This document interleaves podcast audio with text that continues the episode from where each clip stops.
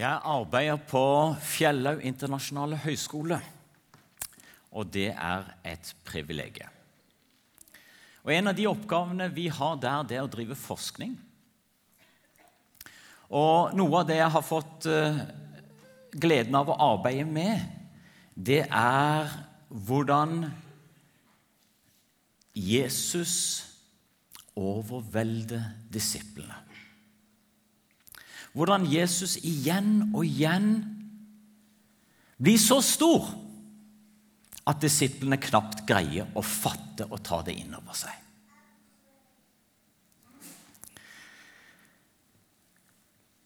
Når vi på Fjellhaug driver forskning, så ønsker vi å gjøre det ut ifra troens ståsted.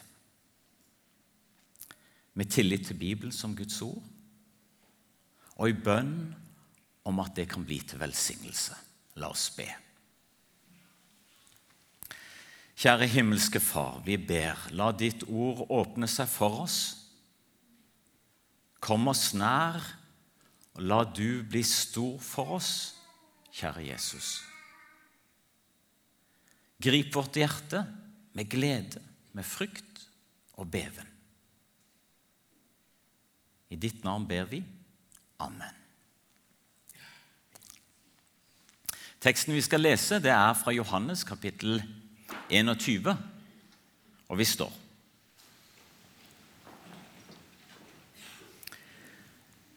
Siden åpenbarte Jesus seg enda en gang for disiplene ved Tiberiasjøen. Det gikk slik til. Simon Peter, Thomas, som ble kalt Tvillingen, Natalael fra Kana i Galilea, Sebedeus' sønnene og to andre av disiplene hans var sammen der. Simon Peter sier til de andre, 'Jeg drar ut og fisker.' 'Vi blir også med', sa de. De gikk av sted og steg i båten. Men den natten fikk de ingenting. Da morgenen kom, sto Jesus på stranden, men disiplene visste ikke at det var han. Har dere ikke noe å spise, barna mine? sa Jesus til dem. Nei, svarte de. Kast garnet på høyre side av båten, så skal dere få, sa Jesus. De kastet garnet ut, og nå klarte de ikke å dra det opp. Så mye fisk hadde de fått. Disiplene som Jesus hadde kjær, sa da til Peter.: Det er Herren. Og Da Simon Peter hørte at det var Herren, bandt han kappen om seg, den han hadde tatt av, og kastet seg i sjøen. De andre disiplene kom etter i båten og dro garnet med fisken etter seg. De var ikke langt fra land, bare omkring 200 alen. Da de var kommet i land, så de et bål der, og det lå fisk og brød på glørne. Kom hit med noen av de fiskene dere nettopp fikk, sa Jesus til dem. Simon Peter gikk da om bord i båten og trakk garnet i land. Det var fullt av stor fisk. 153 i alt. Men ennå det var så mange, revnet ikke garnet. Jesus sa til dem, 'Kom og få mat.' Ingen av disiplene våget å spørre ham, 'Hvem er du?' De visste det var Herren. Så gikk Jesus frem tok brødet, ga dem, og det samme gjorde han med fisken. Dette var tredje gang Jesus åpenbarte seg for disiplene etter at han hadde stått opp fra de døde. Slik lyder Herrens ord.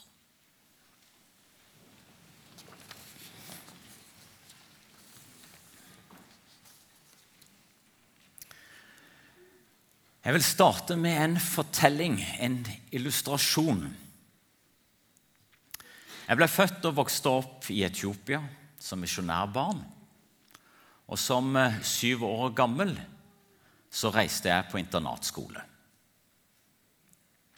Og Det å være på internatskole som en syvåring det var ikke alltid like enkelt. Far min han skrev et stykke i NLMs barneblad Blåveisen for mange mange år siden om akkurat dette. Og så gjengir han den lille gutten Ivar hva han sa til sine foreldre når de kom på besøk.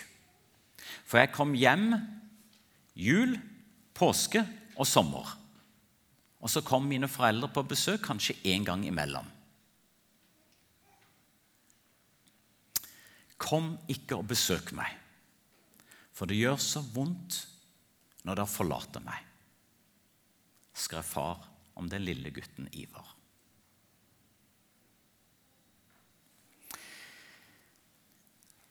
Seinere så skjedde det at mor og far kom på besøk. Og eh, som foreldre ofte gjør, så ville de hjelpe, far hjelpe meg den gangen med leksene. Jeg husker veldig godt dette. Og En av leksene det var salmevers. Hver uke så skulle vi pugge et salmevers i Etiopia på internatskolen. Og så skjedde det at samme hvor mye han prøvde å hjelpe meg Og vi øvde og øvde igjen og igjen og igjen. Ord og linjer og strofer de fløy overalt, bare ikke inn i hodet mitt. Og vanligvis pleier jeg ikke å være helt så dum. Jeg har lært noe seinere. For den episoden der, den skjedde en ettermiddag. Og tidlig neste morgen så skulle mor og far reise. De skulle forlate meg. Og lille Ivar Jeg tror vi kan si den høyden der. En eller annen plass. Han, han hadde det ikke godt inni seg. Det var uro, det var smerte, og det var kaos. Han var helt der oppe. Og så var det blanda sammen med en opplevelse av tristhet, av tomhet og nedstemthet. Helt der nede. Psykologer og hjerneforskere de sier det at når vi er for høyt oppe følelsesmessig, eller for langt nede, så greier vi ikke liksom å ta ting inn og forstå og lære. Og liksom helt ta det inn. Og det var det som skjedde den dagen. Og det er noe av poenget, illustrasjonen, som er viktig her. For når Jesus står opp, så skjer det med disiplene at de følelsesmessig blir helt overvelda. Det er en blanding av frykt og glede. Og når vi leser evangelietekstene, så ser vi hvordan de er helt overveldet av følelser.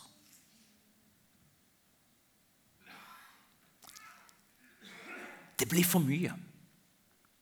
De greier ikke begripe det. De greier ikke ta det inn.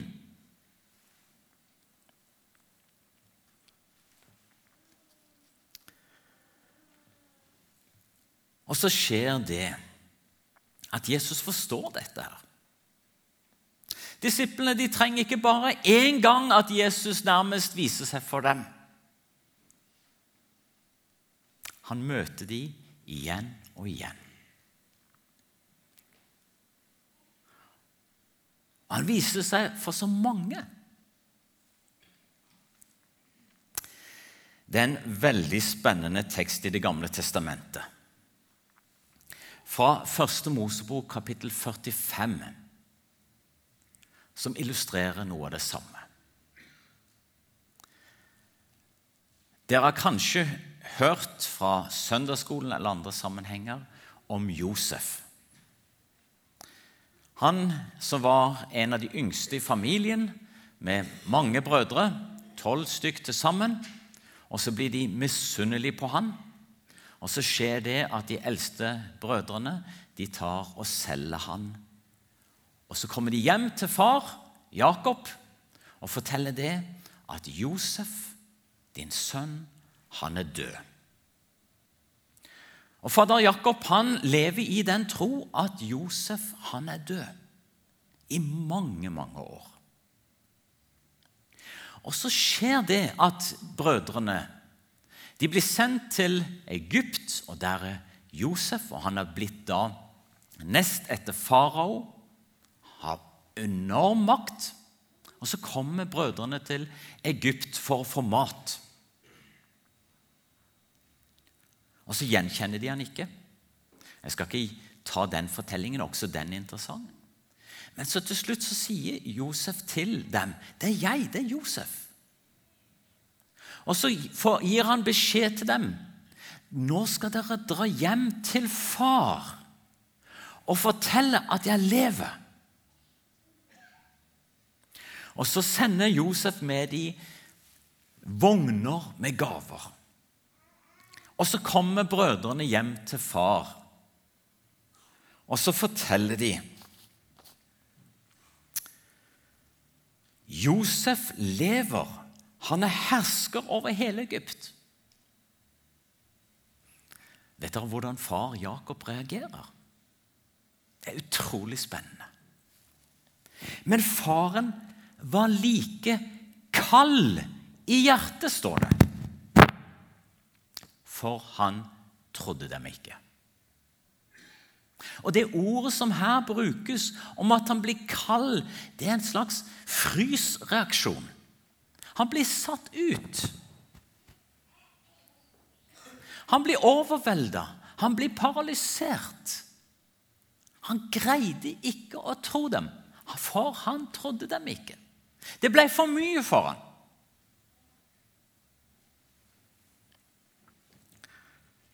Og så fortalte de far Jakob om alt det Josef hadde sagt dem, og han fikk se vognene som Josef hadde sendt for å hente ham. Og så står det så flott Da kviknet Jakobs ånd til. Dette er stort, sier da Jakob.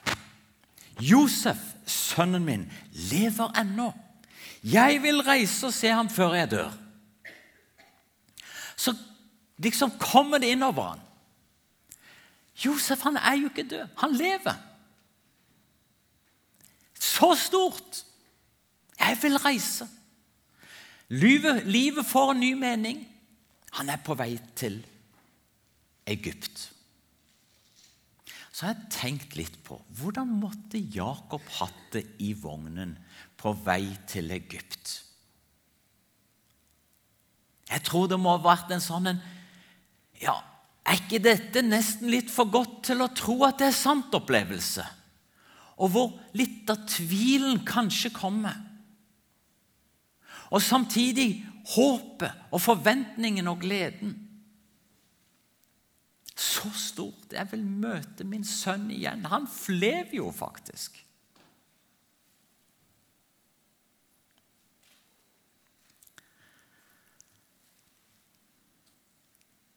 Når Jesus sto opp, så er det ikke bare for godt til å tro at det er sant.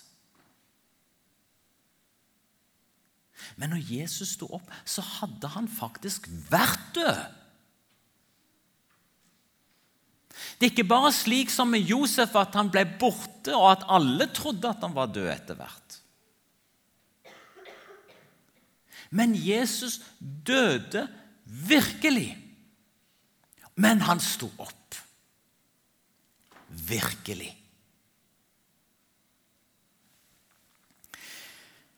Jeg vet ikke om dere har fått med dere en viss debatt som har gått om Jesu oppstandelse. Og hvor det har vært sagt og skrevet nærmest som at det er ikke så viktig om Jesus legemlig nærmest sto opp. Men tanken og ideen og troen om at Jesus lever, det er viktig. For det, kan gi oss så stor livsmening og livsglede.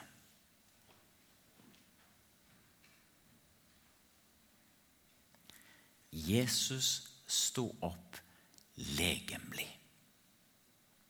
Og han møtte sine disipler igjen og igjen.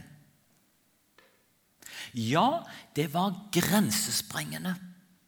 Ja, det kan ikke sammenlignes med noe annet som vitenskapen forklarer og forteller oss. Men Jesus sto opp, og han lever. Og Disiplene de tok ikke dette enkelt. Det var ikke som om de bare liksom gikk på det, naive og dumme.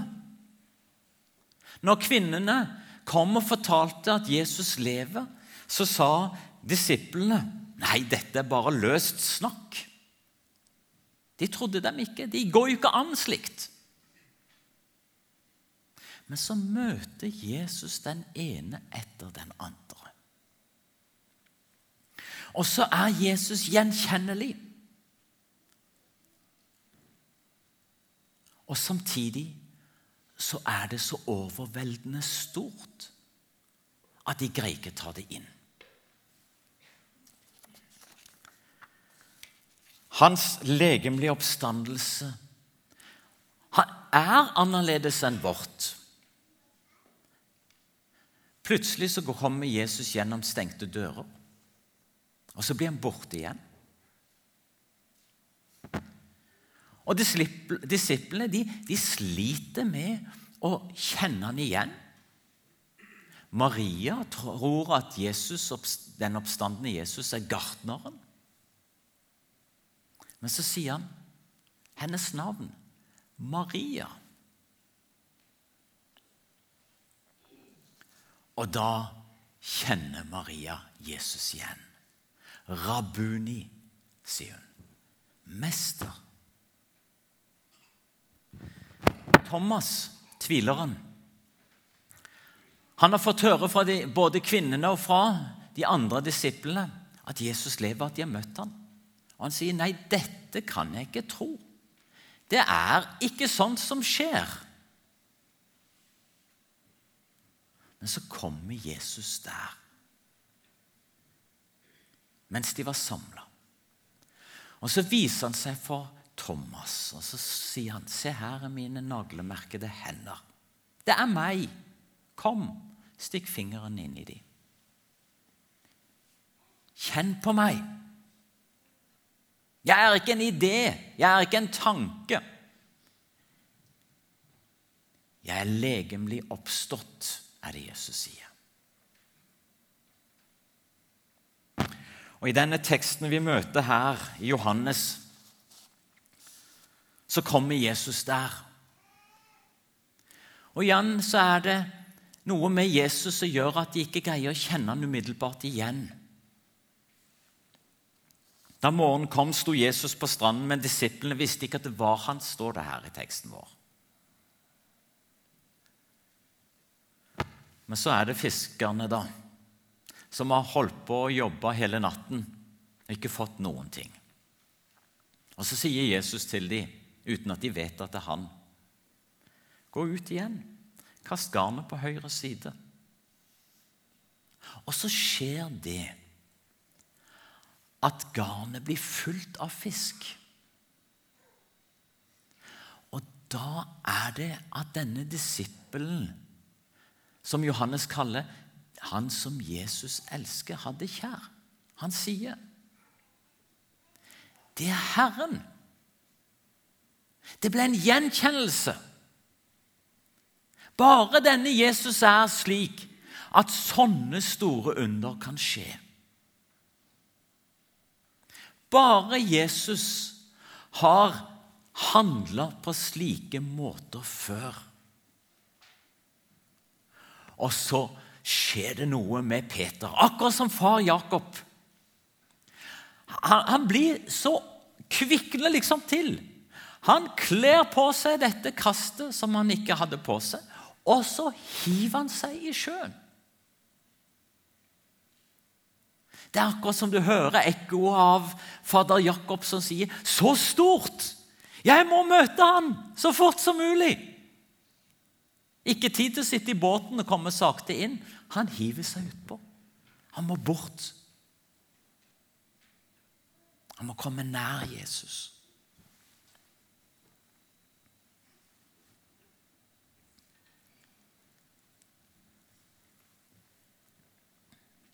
Når vi er veldig satt ut, når vi er for høyt oppe følelsesmessig eller for langt nede Hva er det foreldre gjør med små barn da?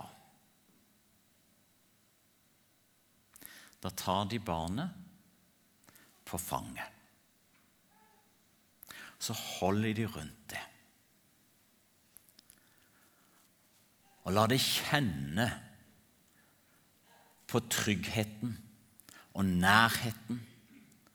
For at barnet skal kunne komme inn fra det, der de er for mye uro.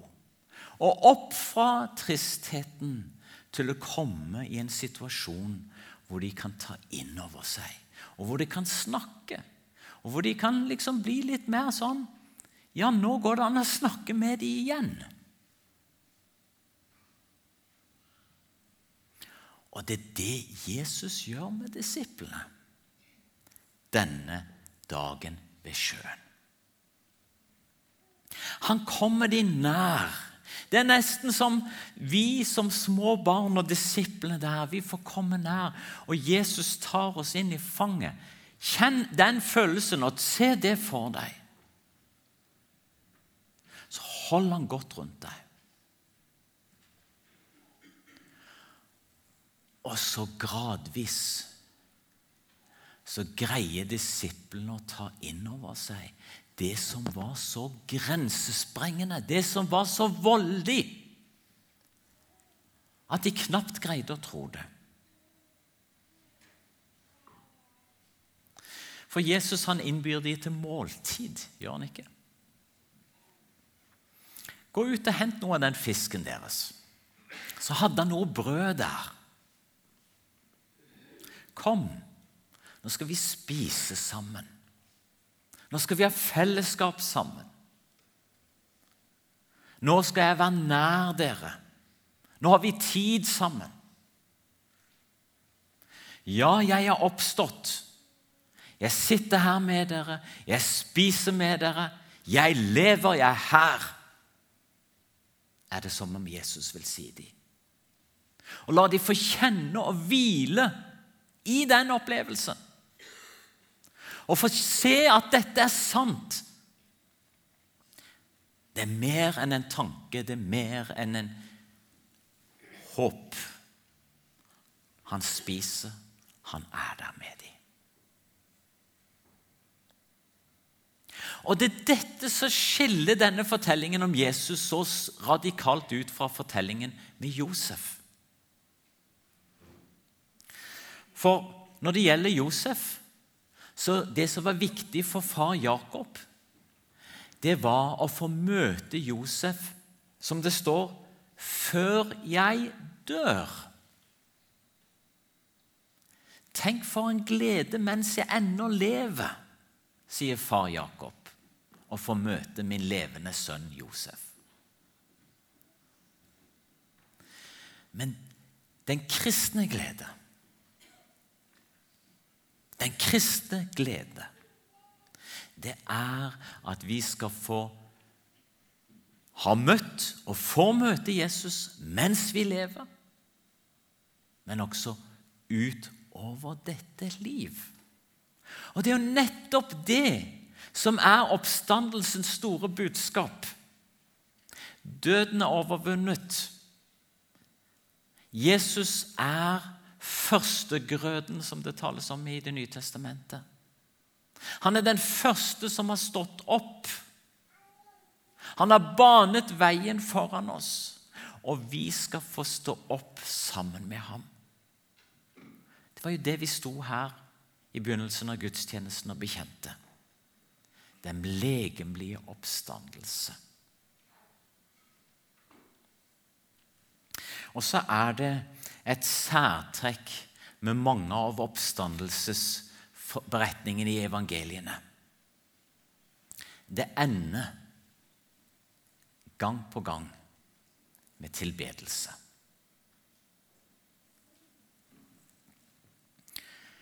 kvinnene ved graven. Det står om dem at de omfavnet føttene hans og tilba ham i Matteus. Om eh, disiplene når han kommer med misjonsbefalingen og himmelfarten, det siste i Matteusevangeliet, så falt de på kne og tilba den oppstandende Jesus.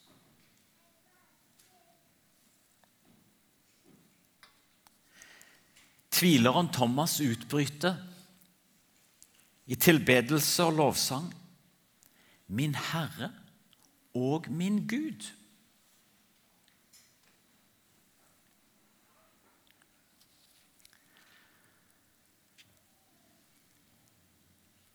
Vi skal få lov å venne oss til Gud. Vi skal få lov å venne oss til Jesus også. Og takke og tilbe ham. En siste liten ting. I Lukas evangeliet kapittel 5 så hører vi en beretning som minner veldig om denne i Johannes kapittel 21, med fiske. I Lukas kapittel 5 så har disiplene vært ute og fiska. De har ikke fått noen ting. Og så sier Jesus at de skal kaste ut garnet på nytt. Og også der skjer det at de får massevis av fisk. Og da bryter Peter ut og sier, 'Gå fra meg, Herre, for jeg er en syndig mann.' For han og alle som var med ham, ble grepet av forferdelse over den fangsten de hadde fått. Jesus' storhet er slik